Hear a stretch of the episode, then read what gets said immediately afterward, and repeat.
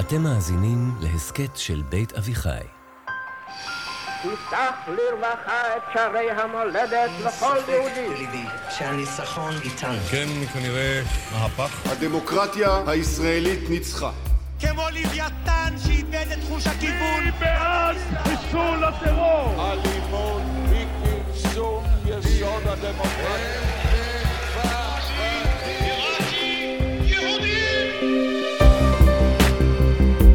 שלום, אני אפרת שפירא רוזנברג ואתן מאזינות ומאזינים למפלגת המחשבות, ההסכת שבו יחד עם דוקטור מיכה גודמן אנחנו צוללים אל עומק הרעיונות שמאחורי הפוליטיקה הישראלית. אם אתם הולכים איתנו את הדרך הארוכה הזאת, את 70 הפרקים של מפלגת המחשבות שכבר עלו לאוויר, אז אתם יודעים די טוב מי אנחנו ומה הביזנס שלנו. אנחנו בביזנס של רעיונות. לא של מאבקי כוח, לא של אינטרסים ולא של ניתוח מהלכים פוליטיים כאלה ואחרים. גיבורי ההסכת שלנו הם לא נתניהו, גנץ, סמוטריץ' או לפיד, אלא ג'ון לוק, ג'ון סטיוארט מיל, ג'יימס מדיסון ולאוצה. לאורך העונה האחרונה ספגנו לא מעט ביקורת על ההתעקשות הזאת שלנו להישאר שם, בעולם הרעיונות. על הצורך החתרני הכמעט קיומי שלנו להקשיב לכל הצדדים בהקשבה רדיקלית, לחפש את ניצוץ האמת כמעט בכל עמדה, ולנסות להמיר את החרדה של כולנו בסקרנות. אבל המציאות הישראלית הקשה הגיעה גם אלינו, ולכן החלטנו באופן חריג לרדת מעמדת הפרשנים שיושבים על הטריבונות ולחזור עם שני פרקים מיוחדים שמדברים על הכאן והעכשיו. בפרק הראשון ניסינו לנסח את התרחיש האמין ביותר לאסון שכולנו מרגישים שעומד בפתח. אם לא שמעתם את הפרק הזה, כדאי לשמוע אותו קודם. לא שזה יהיה כיף, כן? סביר להניח שתישארו עם גוש מאוד לא נעים בגרון. אבל זאת המציאות כמו שאנחנו מבינים אותה. וכמו שאמרנו שם, רק אם ממש נאמין שהאסון הזה יכול להתממש, אולי נצליח למנוע אותו. וזה עניינו של הפרק הקרוב. איך אפשר למנוע את האסון. בניגוד לכמעט כל הפרויקט שלנו במפלגת המחשבות, הפעם אנחנו שמים אופציה קונקרטית של פתרון על השולחן. ההצעה שלנו אולי תעצבן הרבה מכם, ואתם ממש לא חייבים לקבל אותה כלשונה. ברוח פרק 70 שסיים את העונה הקודמת, זאת הצעה שמבקשת מאיתנו להפעיל במרחב הפוליטי הישראלי את אותה הרוח שקיימת במרחב הטכנולוגי הישראלי. לכונן שיחה פורייה בכך שנגיב להצעות ולרעיונות באהדה ובסקרנות, ולא בדחייה ובריטואל צפוי של הזדעזעות ודחייה אוטומטית. אז אנחנו מזמינים אתכם לקחת אוויר, להפעיל את כפתור ההקשבה הרדיקלית ולצלול פנימה לפרק הזה. אולי נצליח ביחד להמיר את האפוקליפסה עכשיו בשלום עכשיו. שלום מיכה. שלום אפרת. דיברנו בפרק הקודם על האפוקליפסה שנמצאת באוויר בצורה מאוד מאוד חזקה. והאמת היא שכשחושבים על איך אפשר לצאת מהמצב, ה... מה שהגדרנו בפרק הקודם, מעגל הקסמים הזה, כן? דיברנו על סוג של סחרור שאנחנו נכנסים לתוכו, מין לופ כזה שנורא נורא קשה לצאת ממנו, אז אה, אחת הסיבות שבגללה, חוץ מכל מה שתיארנו בפרק הקודם, שקשה כל כך לצאת מהסחרור הזה, ממעגל הקסמים הזה, זה בגלל שיש עוד משהו שמתדלק אותו. כן, דיברנו שהמנגנון שיכול לקחת אותנו ממריבה לאסון, זה המעגל הקסמים המחושב של הכיתוב. והדלק של המעגל הזה, זה תחושת הצדק שלנו. התחושה שאנחנו צודקים, שמתלווה אליה התחושה שהצד השני טועה. טועה מאוד. כן. והתחושה הזאת, טיפל בה בצורה מאוד מעניינת, פילוסוף שנגענו בו לא מעט בעונה ג', ג'ון סטוארט מיל. כן. אחד האבות המייסדים של המחשבה הליברלית. וג'ון סטוארט מיל יש לו כמה הערות מעניינות על תחושת הצדק שלנו. ההמלצה שלו זה זה בסדר שיש לך תחושת צדק אבל אל תתייחס לתחושה הזאת כל כך ברצינות. והאופן שבו ג'ון סטוארט מיל מטפל בתחושת הצדק זה ככה. יש מקום בספר שלו בעל החירות ככה לפחות אני מבין אותו. שלהבחין בין דילמות מתמטיות או אמיתות מתמטיות או יותר נכון לומר אמיתות חשבוניות לבין אמיתות אתיות או פוליטיות. שנניח על אמת מתמטית, אני מדבר על חשבון פשוט, אוקיי? לא מתמטיקה מתקדמת. ברגע שאנחנו מגלים אמת מהסוג הזה, הדיון נסגר, הוא לא נפתח. שלוש ועוד שלוש שווה שש. זה פתוח לדיון? תלוי את מי שואלים, אתה יודע, משום מה כשאני הייתי בוחנת את הילדים שלי על לוח הכפל והייתי שואלת אותם כמה זה 7 כפול 8, זה היה לוקח להם הרבה זמן לענות. יכול להיות שהיה דיון כזה פנימי. אגב, יכול להיות שהיה דיון, אבל ברגע שגיליתם את זה, הדיון נסגר. כן, לא, אני צוחקת עליהם, זה לא באמת דיון, זה בגלל שהם לא יודעים את לוח הכפל. בסדר, אבל יכול להיות שזורקים מספרים ושואלים ויש ספק, ברגע שהם עלו על זה ששבע כפול שמונה שווה חמישים ושש, הדיון נסגר. כי זה טבעה של אמת בחשבון ש... יש רק תשובה אחת נכונה. כן, והדיון סגור. אז אומר ג'ון סטוארט מיל, מי שמתייחס לאמת אתית או פוליטית, כאילו שגילית את האמת, והדיון סגור, ולכן אין מה להקשיב לדעות אחרות, בעצם הוא מתייחס לאמת פוליטית כאילו שזאת אמת מתמטית, חשבונית. וזה הכשל. אבל אומר ג'ון סטוארט מיל, ל mind שלנו, לתודעה שלנו, יש פיתוי להתייחס לאתיקה ולפוליטיקה כאילו זה מתמטיקה. כאילו שיש אמת אחת מובהקת מוחלטת ואין מה להקשיב לצד השני, הוא פשוט טועה. עכשיו, או הנה משפט שזה מוזר להגיד, ששלוש ועוד שלוש שווה שש, אבל יש רסיס של אמת עם המחשבה שזה 428. ויש עוד רסיס של אמת אצל מי שאומר שזה שווה מינוס 14. זה כמובן מגוחך. שלוש ועוד שלוש שווה שש, ולא צריך ללקט רסיסי אמת במקום, אבל אומר מיל, מלבד מתמטיקה, תניח שתמיד לא כל האמת אצלך, מה שהופך אותך לאדם מקשיב, שגם אתה צריך להעלות על הדעת את האפשרות שאולי גם היריב שלך, מי שחולק עליך, יש רסיס של אמת בדעה שלו, ולכן זה מתגמל אינטלקטואלית. להקשיב, אולי תוכל להתקדם, לאסוף עוד רסיסי אמת, להתקרב אל האמת היותר גדולה. אבל אנחנו לא עושים את זה. לא, גם מיל בעצמו אומר, אתה יודע, הוא גם כן הבין שהפרויקט הזה של הקשבה רדיקלית, כן, שהוא לא קרא לזה ככה, אבל אה, שאנחנו מטיפים לו כבר כמה עונות. נכון. אפילו מיל בעצמו יודע שזה לא באמת אפשרי. אז נכון, אז מיל מסביר את זה. אני אקריא משפט מאוד יפה, שמסביר למה כשאנחנו בלהט הוויכוח, אין לנו סיכוי שלא לחשוב על הדעה שלנו כאילו שיש לה ודאות בסדר גודל מתמטי. אז הוא אומר דבר כזה, אני מקריא, הבריות מורגלים להאמין שהרגשות שלהם לגבי נושאים מסוג זה, כאילו פוליטיים, אתיים, כמו סוג הנושאים שעכשיו החברה הישראלית כן. נקרעת סביבם, הרגשות שלנו טובים מנימוקים, ולפיכך הנימוקים מיותרים. למה הוא מתכוון כאן?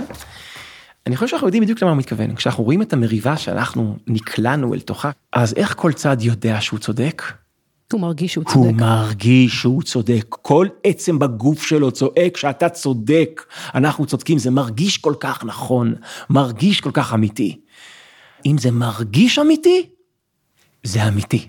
וזה לא שאין לנו טיעונים שכלתנים, רציונליים לחלוטין, אבל זה פשוט, זה לא שההרגשה הזאת נולדת מהטיעונים הרציונליים, אלא הפוך. אנחנו קודם כל מרגישים את זה שאנחנו צודקים ורק אחר כך אנחנו מסדרים את כל הטיעונים הרציונליים שלנו כדי שיסתדרו עם ההרגשה הזאת. מה שאת אומרת עכשיו זה פשט דיוויד יום.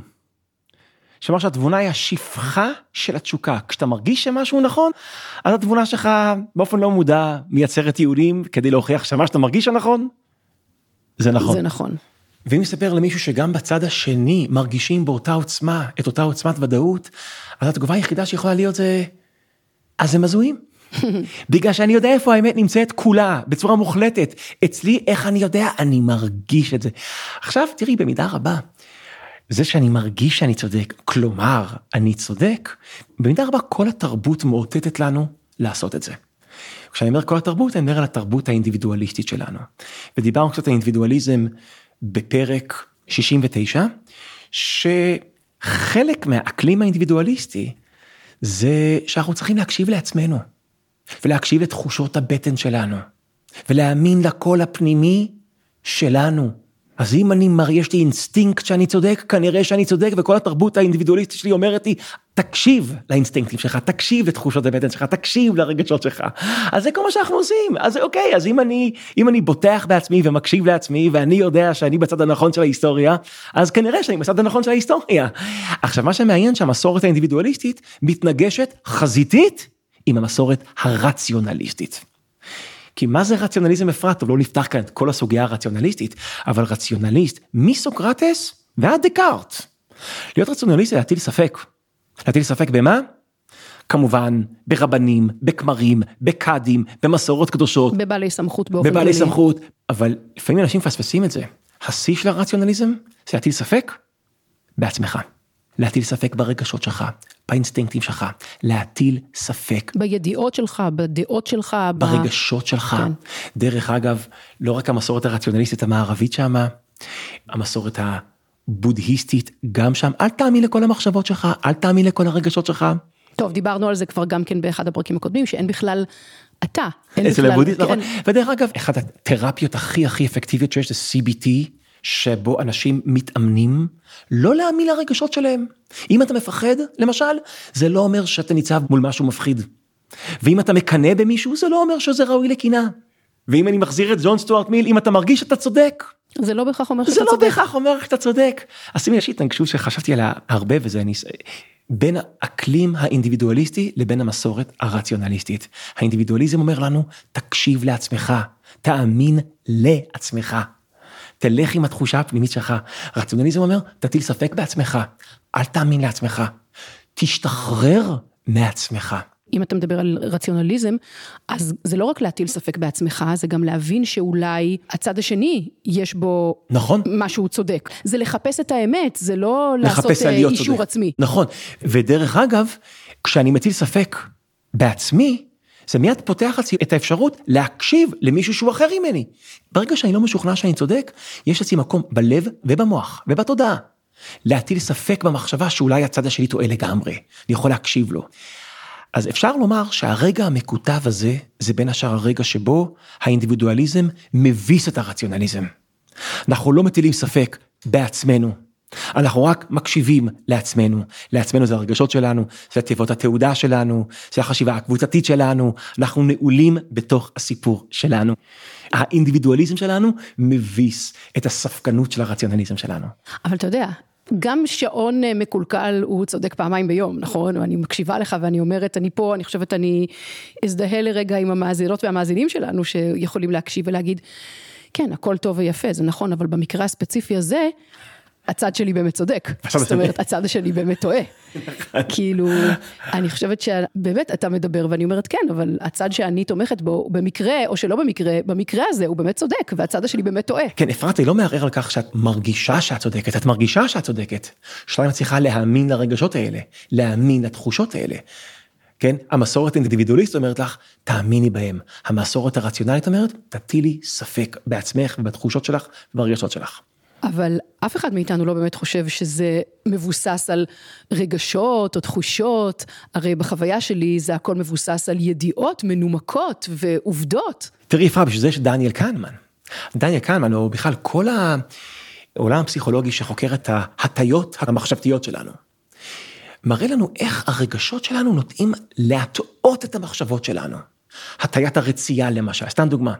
אם אתה נורא רוצה להאמין שרעיון מסוים הוא נכון, אתה באופן לא מודע, תמצא ראיות לכך שזה נכון. כן, זה נורא מעניין דווקא, אתה יודע, אני שמעתי פודקאסט אה, לאחרונה של אה, שני חוקרי מוח. כן. שמדברים על אה, איך אנחנו יודעים שאנחנו צודקים ואיך בכ- בכלל בתהליכים מדעיים.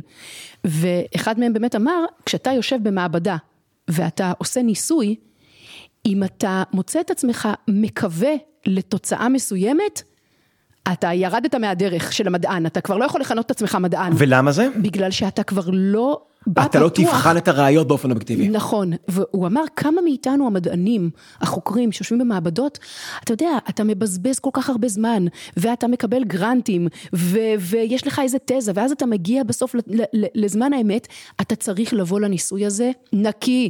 הוא אומר, זה בלתי אפשרי, זה בלתי אפשרי, כי אתה כל כך מושקע בתוצאה, אבל אם אתה מושקע בתוצאה, אתה כבר לא בתחום המדע. אתה לא מדען כבר יותר. אז ההטיות האלה, כל ההטיות האלה, כמו הטיית הרצייה, שאתה רוצה, אה, או הטיית האישור העצמי, שגורם לנו דרך אגב, שאני מאוד מאוד רוצה להאמין שאני צודק, כשנתקל בראיות, אנחנו נוטים, שזה כל כך המחקרים, להתייחס בזלזול לידע שמפריך את התחושות שלי, ולתת הערכת יתר לידע שמאשר את התחושות שלי, האופן שבו אני ממיין אינפורמציה, אני ממיין אותם באופן כזה שמשרת ומגביר את התחושה שאני צודק. ואת יודעת מה המסקנה מכל הניתוח המהיר הזה, של האינדיבידואליזם חזק מהרציונליזם ברגע הזה? שאם רציתי להציע שהדרך לשבור את המעגל הקסמים המחושף של הכיתוב, לשבור את המעגל הזה, זה שפשוט נהיה רציונליסטים. פשוט תקשיב לסוקרטס. שנטיל ספק בעצמנו, ואז נקשיב באופן רדיקלי. כן, הקשבה רדיקלית. לאנשים בצד השני, כן. וכל זה, ואז הכל ייפתר. אם רק נסדוק את תחושת הצדק שלנו, אז אנחנו נשבור את המעגל המחושף שאנחנו נבלעים אל תוכו. אבל זאת פנטזיה, זאת משאלה. אני מודע לזה, אנחנו מודעים לזה, שזאת משאלה. זה לא באמת קורה. זה לא מה שהולך לקרות. אתה יודע מה, אני אגיד משהו יותר מזה. וידוי. כן. אני לא מצליחה לעשות את זה. לא, באמת, אני חושבת, כן. מהרבה מקומות אני שומעת, ואני מניחה שגם אתה שומע, הקשבה רדיקלית פשוט לא עובדת פה. אנחנו במצב כל כך קשה, שזה פשוט לא עובד. זה לא עובד. אז בואי נאמר ככה, מסלול אחד לשבירת המעגל הקסמים המחושף, מסלול אחד חסום, המסלול של שהרציונליזם יביס את האינדיבידואליזם ובמילים אחרות שאנחנו נצליח להטיל ספק בתחושת הצדק שלנו ונהיה פתוחים לרסיסי הצדק שיהיה בצד השני. לא כך נצא מהשנאה, מהמריבה ומהקיטוב. זה פשוט, זאת לא אופציה. זה לא יקרה. כלומר, בעוונותינו הקוגניטיביים כביכול, אנחנו כנראה נמשיך להתייחס לפוליטיקה כאילו היא מתמטיקה, ולכל בעיה יש רק פתרון אחד, והוא במקרה הפתרון שלנו. הוא הצודק והיחיד ואין בלתו. אז אני רוצה להציע אופציה אחרת. במקום שנטיל ספק בצדק שלנו, שנשבור את תחושת הצדק של היריבים שלנו. שפשוט ננצח אותם. נביס אותם. נביס אותם. יש פה קרב, יש פה מערכה, בואו נביס את הצד השני. אגב, אני חושבת שבשני הצדדים יש קולות כאלה מאוד יש מאוד חזקים. פנטזיה כזאת. כן. ודרך אגב, אני חושב שהם באמת מאמינים שככה נסיים את המריבה. כן. אם ננצח את המריבה, נסיים את המריבה. אם נלך עד הסוף, כן. כן, וזה ביטוי שאפשר לשמוע גם בקרב מובילי הרפורמה וגם בקרב מובילי המחאה. אנחנו נלך עד הסוף, אנחנו לא נוותר. נכון. כי הסטייקס פה מאוד מאוד גבוהים, אנחנו נלך עד הסוף וננצח את הצד השני. וככה נרגיע את המריבה. כן. את מבינה? פשוט אם ננצח... נכריע אותה. נכריע אותה. אז אני חושב, טוב, אנחנו אמרנו זה הרבה פעמים, אבל אנחנו חושבים שהמסלול הזה לא יוביל להרגעת הרוחות ולהורדת הטמפרטורה של הקיטוב ולסיום המריבה. הגישה הזאת, יש בה פנטזיה שהכרעת המריבה תביא לסיום מריבה, אנחנו חוששים שהגישה הזאת לא תביא לסיום מריבה, אלא להפיכת המריבה למלחמה. כן. זאת אומרת, אין לנו אפשרות לסדוק את תחושת הצדק של עצמנו, ואין לנו גם אפשרות לסדוק את תחושת הצדק של היריבים שלנו. נכון. אז אם אני לא יכול לרסק את הוודאות שלי, ואני לא יכול לרסק את היריב שלי, hmm, איפה זה משאיר אותנו? בואו ננסה להציע עוד מסלול. לא לסדוק את תחושת הצדק שלי, אבל לאזן את תחושת הצדק שלי. צדק זה ערך אחד. באחד מהפרקים הקודמים, אני לא זוכר איזה, הגדרנו מי שמחזיק בערך ההומוגניות ערכית היא קנאות ערכית. אבל יש עוד ערכים. אולי אנחנו לא צריכים לסדוק את תחושת הצדק שלנו, לטפח עוד תחושה, לטפח עוד ערך. איזה ערך? את הלכידות שלנו, את האחדות שלנו. אגב, אני לא חושבת שאנחנו צריכים לטפח את הערך הזה, אני חושבת. שכן, הוא לגמרי שם, אנחנו שם. דיברנו על זה בפרק הקודם, שכולם שונאים את הקיטוב, נכון. כולם מבינים שקיטוב זה דבר מסוכן, כולם מבינים שאנחנו עומדים על עברי פי פחת בגלל הקיטוב ושלכידות היא ערך, לא צריך להמציא ערך. אני חושב שהתפקיד של הפרק הקודם זה היה להסביר שהערך של האחדות זה לא רק משהו נורא חם נעים, ונעים כן. וטוב ואני בעד זה, אני חושב שהאחדות זה באמת עושה מרגיש לי טוב כן אבל זה לא הסיבה שברגע הזה זה חשוב לטפח את הערך של האחדות כי פשוט בפרק הקודם ניסינו להראות או להוכיח שסדק באחדות. יכול להוביל למה שקראנו אפוקליפסה. עכשיו, זאת אומרת אחדות זה ערך, אסטרטגיה. זה אסטרטגי, פגיעה באחדות זה פגיעה אסטרטגית ב- במפעל הציוני, במפעל במדינת הציון- ישראל. במדינת ישראל. לכן אמרנו, הפרק הקודם צריך להאמין שזה נכון כדי שזה לא יהיה נכון. צריך להאמין שפגיעה באחדות תוביל לאסון, כדי להבין שלקחת האחדות ברצינות זה חשוב. ובהקשר שלנו זה חשוב כי זה מאזן, אחדות מאזנת בהקשר שלנו את תחושת הצדק שלנו. זה מחזיר אותנו לפרק שבו דיברנו על היין והיאנג, נכון, פרק 59 אני חושבת. נכון. זה הפרק שבו שרטטנו בעצם את המודל של היין והיאנג, שמתאר מערכת יחסים אידיאלית בין ערכים מנוגדים. זה בעצם מערכת יחסים שאומרת שלמרות שהערכים האלה הם מנוגדים אחד לשני ונאבקים אחד בשני, בה בעת הם גם אלה שמאפשרים אחד לשני להתקיים, זאת אומרת המתח ביניהם הוא זה שמאפשר לשניהם להתקיים בצורה אידיאלית ולא לקרוס ולהתמוטט. וכאן יש לנו שני ערכים. בהקשר שלנו, בסיפור הזה, יש ביניהם מתח. האחדות שלנו ותחושת הצדק שלנו. אני רוצה רגע להסביר את הנקודה של האיזון, של ערך מאזן ערך על פי המודל של היין והיין. כי זה לא איזון סטטי, זה איזון דינמי, אני אסביר. איזון סטטי, נדמיין, אה, כשמאזניים מגיעים לאיזון, זה כי יש את אותו משקל על שני הצדדים. שני הצדדים, שתי כפות המאזניים. ואם אנחנו צריכים להגיע למצב שיש את אותו משקל בשתי כפות המאזניים, זה מאוזן וזה יציב וזה לא יזוז. זה לא המודל שאנחנו מדברים עליו עכשיו. שכאילו יש את אותו משקל, יש אחדות וצדק, בכף מאזניים אחת יש ארבע קילו אחדות, וכף מאזניים יש 4 קילו צדק וזה בדיוק אותו כמות ולכן זה מאוזן ולכן זה סטטי, לא זז. לא יין ויין זה איזון דינמי. זה דינמי. לפעמים האחדות גוברת על הצדק, ולפעמים הצדק גובר על האחדות. זה דרך אחרת לחשוב על איזון. זה לא איזון בגלל שזה מיוצב, אלא זה איזון בגלל שזה נע. דווקא בגלל גם... שזה משתנה. זה, זה לא בגלל שזה יציב, זה מאוזן, אלא דווקא בגלל שזה משתנה, שזה דינם, נכון. זה מאוזן. זה, זה הסוד של היין והיין.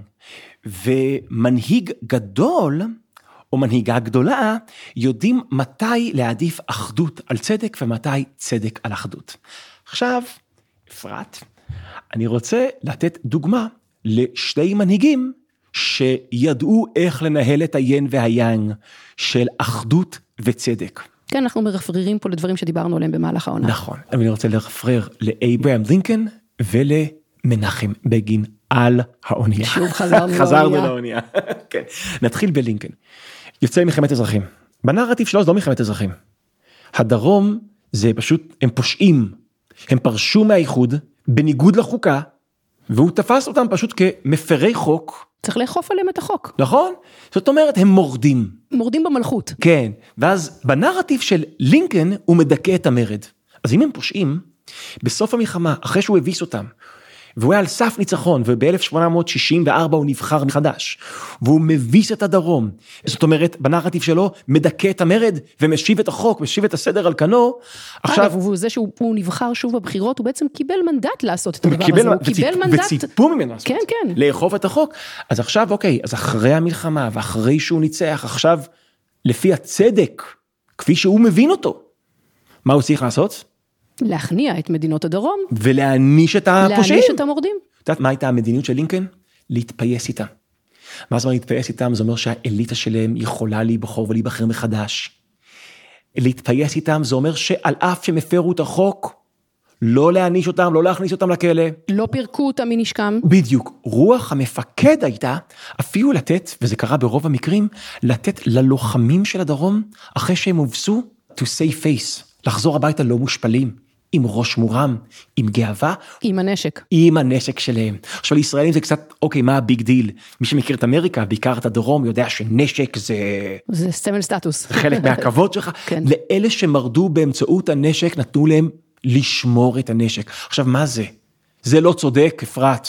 בטח שלא בנרטיב שבאיך שלינקן ראה את העולם, אייברהם לינקן ראה את העולם, זה לא צודק. הצדק הוא להחרים את הנשק, להכניס אותם לכלא, לשלול זכויות פוליטיות מהאליטה המורדת שלהם, זה הצדק. אבל את יודעת מה לינקן החליט באותו רגע? שלאחד את האומה יותר חשוב מכל דבר אחר. באותו רגע לינקן הבין שהאחדות חשובה מן הצדק. הוא ויתר על הצדק בשביל אחדות. לקח לו כמה שנים של מלחמת אזרחים ומאות אלפי הרוגים כדי לקבל את ההחלטה הזאת. תראי אפרת, אפשר לפרש את ההתנהגות של לינקולן ככה, הוא ניהל את המתח, את האיזון הדינמי בין אחדות לבין צדק. הוא מאמין גם באחדות, גם בצדק, בשני ערכים, אבל זה איזון דינמי של ין ויין. ותראי איך הוא מנהל את היין והיין הזה. כשהוא יצא למלחמה, הוא פצע את האחדות בשם הצדק. אבל כשהוא סיים את המלחמה, הוא פצע את הצדק בשביל האחדות. זה איזון דינמי. ודוגמה אחרת. מקומית. כשבן גוריון נותן את הפקודה לצבא לירות על האונייה, על האלטלנה, ו-16 מהאנשים שעל האלטלנה נהרגים בפי תל אביב, בגין, כל האינסטינקטים שלו היו לירות חזרה. כל האינסטינקטים של הצדק. הרי מה קרה כאן? בנרטיב של... לא ניכנס כאן לשאלה אם הנרטיב שלו צודק או לא צודק. היה לו הסכם עם בן גוריון, בן גוריון הפר את ההסכם, בן גוריון ירה על האונייה, הצבא הרג 16 אנשים, יועצים של בגין אומרים שאנשים של בן גוריון מתנהגים כמו הנאצים, והם רצו פעולת תגמול, ובגין הבין שאם יעשו באמצע מלחמת העצמאות פעולת תגמול כנגד החבר'ה של בן גוריון, מה החבר'ה של בן גוריון כנראה יעשו? יראו בחזרה ונכנסנו לספירלה. ניכנס כן. לספירלה, ניכנס לסחרור, למעגל קסמים מחושב שהיה מוביל באמת למלחמת אזרחים באמצע מלחמת העצמאות. ועל אף שכל האינסטינקטים של הצדק של בגין הורו לו להחזיר לבן גוריון ולאזן את המשוואה ולצאת מכאן צודק, כשהוא לא ירה חזרה, ואני מזכיר לך שעל פי בגין זאת ההחלטה הגדולה והחשובה של חייו. זה לא היה להפציץ את הכור בעיראק ולא השלום עם מצרים, אלא לא לראות חזרה על האונייה. למה? ואשר באותו רגע הוא הבין שתחושת האחדות שלנו חשובה והיא גוברת על תחושת הצדק של השבט שלנו. אז שימי לב דרך אגב שלינקן כשהוא סיים את מלחמת האזרחים אצלו ברגע הסיום של המלחמה תחושת האחדות גברה על תחושת הצדק. בגין אצלו תחושת האחדות גברה על תחושת הצדק לא כשהסתיימה מלחמת האזרחים. זה מה שמנע את מלחמת האזרחים. זה מה שמנע את מלחמת האזרחים. ואם רגע נחשוב על שתי המודלים הללו, על הרגע הזה, מה אנחנו רוצים להיות, לינקן או בגין? כן, נראה לי שלא משנה עם איזה דמות אתה מזדהה באופן אישי, נראה לי שכולם מבינים שהאופציה הטובה יותר כרגע זה להיות בגין. להעדיף את האחדות על הצדק, לא ברגע סיום מלחמת האזרחים, אלא כדי למנוע את מלחמת האזרחים. עכשיו בואי נחשוב איך היין והיין של האחדות הצדק, שברגע מסוים עדיף האחדות גוברת על הצדק, איך זה נראה בפועל? בוא רק נגיד את הדברים בצורה ברורה, זה בעצם אומר שצריך לוותר קצת על הצדק בשביל הערך הזה של אחדות, של לשמור על האחדות. מכיוון שפגיעה באחדות זה פגיעה אסטרטגית בכל המפעל, סיימנו את הפרק הקודם אמירה שרק אם נאמין בחורבן לא יהיה חורבן, זה פרדוקס המודיעין. אז עכשיו אנחנו ברגע שבו האחדות היא פתאום, יש לה חשיבות אסטרטגית, והשאלה אם אנחנו ברגע לינקולני או עדיף בגיני, שהדרך היחידה לשבור את המעגל הקסמים המחושב של הכיתוב. זה לא באמצעות זה שנסדוק את תחושת הצדק שלנו, אלא שנאזן את תחושת הצדק שלנו באמצעות ערך אחר ורעיון אחר, הרעיון של האחדות. אז איך זה נראה במציאות? איך זה נראה? אז אני, אני מדמיין את זה ככה. בוא נעשה רגע דמיון מודרך, אוקיי? עברנו מוויכוח למריבה ומעגל הקסמים של הכיתוב יכול להעביר אותנו ממריבה למלחמה, למלחמה פנימית, קרה או חמה, מלחמת אחים, מלחמת אזרחים. אם אנחנו נכנסים לסחרור הזה, אנשים יתחילו לדבר על הסכם שלום, נכון? כי איפה שיש מלחמה, יש שלום. בקצה. בקצה. ואז באיזשהו שלב אחרי שנה, שנתיים, שלוש שנים, עשרים שנה, לא יודע, אולי כמו מלחמת האזרחים בלבנון, עשרות שנים של כאוס. סכסוך ישראלי פלסטיני, אולי נכון. מאוד, מי יודע לאן זה מגיע. באיזשהו שלב הסכסוך הישראלי ישראלי הזה, אנשים התחילו לדבר על ועידת קמפ דיוויד, על ועידת שלום. ובוועידה הזאת, אנחנו נתחיל לשמוע רטוריקה מוכרת. שלום עושים עם אויבים. ואנשים יתחילו להגיד גם כן ש... ויתורים כואבים. ויתורים כואבים, עושים פשרות בשביל שלום. ואז אנחנו נגיע לאיזשהו סוג של הסכם שלום. אז אני מציע את התרגיל המחשבתי הבא. בואי ננסה לדמיין את הסכם השלום, מלא בוויתורים כואבים, שיהיה אחרי מלחמת האזרחים, בעקבות מלחמת האזרחים. אבל נעשה אותו לפני מלחמת האזרחים. כדי למנוע את מלחמת האזרחים. כן. תראי לך שהישראלים הצליחו לעשות את זה. איזה סטארט-אפ. סטארט-אפ מדהים. את ההסכם שלום שיסיים את המלחמה. פשוט להקדים אותו בזמן ולעשות אותו בדיוק. לפני המלחמה. לא כתוצאה מהמלחמה, כדי למנוע את המלחמה. אז איך נראה ההסכם שלום הזה? שהכלל המנחה שלו, אף אחד לא הולך לסדוק את תחושת הצדק הפרטית שלו ושל הצד שלו מצד אחד, וגם אף אחד לא הולך לרסק את היריב שלו מצד שני. לא, הרי שתי המסלולים האלה חסומים, דיברנו עליהם. כן. אלא אנשים לא סודקים את תחושת הצדק שלהם, אלא מאזנים את תחושת הצדק שלהם עם אה, האמונה, את, את תחושת הצדק באחדות. אני חושבת שצריך לדייק פה, כי לאזן זאת מילה יפה וקצת ניטרלית, בוא נגיד את הדברים כמו שהם. מפת הדרכים של אה, הסכם שלום כזה, זה אומר שכל צד מוותר קצת על משהו מתוך הצדק של עצמו, כדי המשותפת. להשיג את הערך הכולל יותר של האחדות המשותפת. אוקיי, אז אנחנו רוצים לשים כאן על השולחן מחשבה. מתווה. מתווה, נורא פשוט. אם אנחנו מסתכלים באמת באמת על המסלול ששובר את מעגל הקסמים המחושב של הכיתוב, שבו כל צד ממקם את האחדות מעל הצדק שלו, זה נראה ככה. ביטול ההפיכה. ביטול מוחלט, גניזה מוחלטת, שכל חוקי ההפיכה המשפטית והמשטרית מצד אחד. וביטול מוחלט של ההחרמה של ביבי נתניהו מן הצד השני. עכשיו אני בטוח שהאוזניים של כל כך הרבה מאזינים שלנו עכשיו מתפוצצות. כן, אני לא יודעת אם יש מישהו שנשאר איתנו. כן, בואי ננסה לחשוב. המתווה של ביטול ההפיכה וביטול ההחרמה. אנשים אומרים, ביטול ההחרמה? אתם נורמלים? נאשם בפלילים. כל המשפט הזה, שוחד, מרמה והפרת אמונים, יש, יש שיר כזה במחאה, כן. לביבי יש שלושה אישומים, שוחד, מרמה, הפרת בדיוק, אמונים. בדיוק, איך אפשר לש... והוא גם כן משקר, והוא עקץ את גנץ, כל הדבר הזה. אתם צודקים, אנחנו לא סודקים את תחושת הצדק שלכם, אתם צודקים, אנחנו לא אומרים לכם לא, זה אתם צודקים, אתם לא צריכים לוותר על תחושת הצדק שלכם. אתם מתבקשים למקם את האחדות מעל הצדק שלכם. זה מה שאתם מתכוונים לעשות. או במילים אחרות, להיות בגין על האונייה. ובצד השני האנשים מתפוצצים, לבטל את, את בכלל אתה קראת לזה הפיכה? כן, את הרפורמה המוצדקת שתהפוך את ישראל מדיקטטורת בג"ץ למדינה חופשית, אין יותר צדק מזה. כן, ואנחנו אזרחים סוג ב', ואנחנו בגלל אזרחים שכל פעם סוג שאנחנו ב', מגיעים לשלטון, אנחנו לא מצליחים לממש את המדיניות שלנו, זה- מה פתאום לבטל את הפעם היחידה שבה הגענו לשלטון ואנחנו מצליחים לממש סוף סוף את המדיניות שלנו, אז לוותר על כל הדבר אז הזה? אנחנו רוצים להגיד לכם משהו, אתם צודקים. אנחנו לא אומרים לכם שאתם לא צודקים, ואנחנו לא אומרים לכם להטיל ספק בתחושת הצדק שלכם, לא, לא, אתם צודקים. אל תזדקו בתחושת הצדק שלכם, אנחנו מבקשים משהו אחר, תהיו בגין על האונייה. תמקמו את האחדות שלנו מעל הצדק שלכם. ככה נראית עסקה, ששתי הצדדים לא צודקים, את- ממשיכים להאמין שהם צודקים. אבל הם באותו נשימה מצליחים להבין שהאחדות ברגע הזה, האחדות שלנו, גוברת על הצדק שלנו. ביטול החקיקה המשפטית מצד אחד, וביטול ההחרמה של נתניהו, דרך אגב, כנראה, צריך להבין, ההחרמה של ביבי נתניהו נכווית כהחרמה של כל מיליוני האזרחים שהצביעו לביבי נתניהו. ולכן, לא רק שכל צד מוותר על משהו מתחושת הצדק שלו, אבל כל צד גם עושה את זה בתמורה למשהו אמיתי, שגם הוא מאמין בו מעבר לאחדות.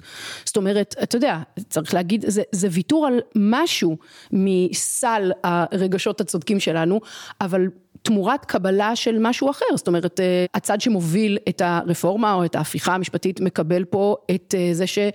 לא מחרימים את נתניהו ולא מחרימים את הזה, נכון. אוקיי? והצד שמוביל את המחאה מקבל את הגניזה המוחלטת נכון. של כל הרפורמה. ואני רוצה לפנות לכל המאזינות והמאזינים שמתפוצצים להם האוזניים רק למחשבה שהם צריכים או לא להחרים את נתניהו או לוותר על כל חוקי, ה- כל הרפורמה, ככה זה נראה, זה כואב לעשות ויתורים. אמ, אם תיתנו לתחושת הצדק לדרוס את הצורך באחדות, אם נישאר ככה, איפה אנחנו נגיע? אנחנו נישאר במעגל הקסמים המחושב של הקיטוב, צודקים אבל מתפרקים. צודקים אבל מתפרקים. אבל בוא נראה, הסכם השלום הזה שאתה קורא לו, כן, למה הוא מתרגם בעצם? ל- הוא, הוא נוסע לכיוון אחד. ממשלת חירום לאומית, לשם זה נוסע, ברגע שמבטלים את כל חוקי החקיקה המשפטית מצד אחד ואת כל ההחרמה מצד שני, זה לוקח אותנו, עכשיו אני אגיד לך איך זה יכול לראות, היה לי על זה שיחה עם, אה, עם יואב הלר של הרבעון הרביעי, הוא דמיין את זה ככה, שלושה אנשים נכנסים לחדר, קצת קשה לדמיין את זה עכשיו, אז תנסי לדמיין שלושה אנשים יושבים- נכנסים לחדר, ביבי,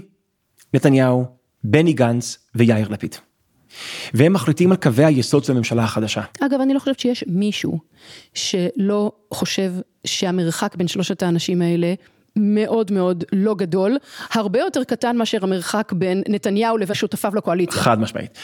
עכשיו, אחרי שניצחו עם קווי היסוד של הממשלה הזאת, שהם יחליטו ביניהם דרך אגב גם על תיקים וגם על קווי יסוד, כשהם יוצאים מהחדר, כל מי שרוצה להצטרף, ברוך הבא. אני מנחש שסוג קווי היסוד שביבי יגיע אליו עם יאיר לפיד ובני גנץ, זה סוג של קווי יסוד שיהיה קשה לאיתמר בן גביר להצטרף. גם אפשר לשער שחוק יסוד לימוד תורה לא יהיה חלק מקווי היסוד האלה, ואולי יהיה גם קשה לחרדים להצטרף.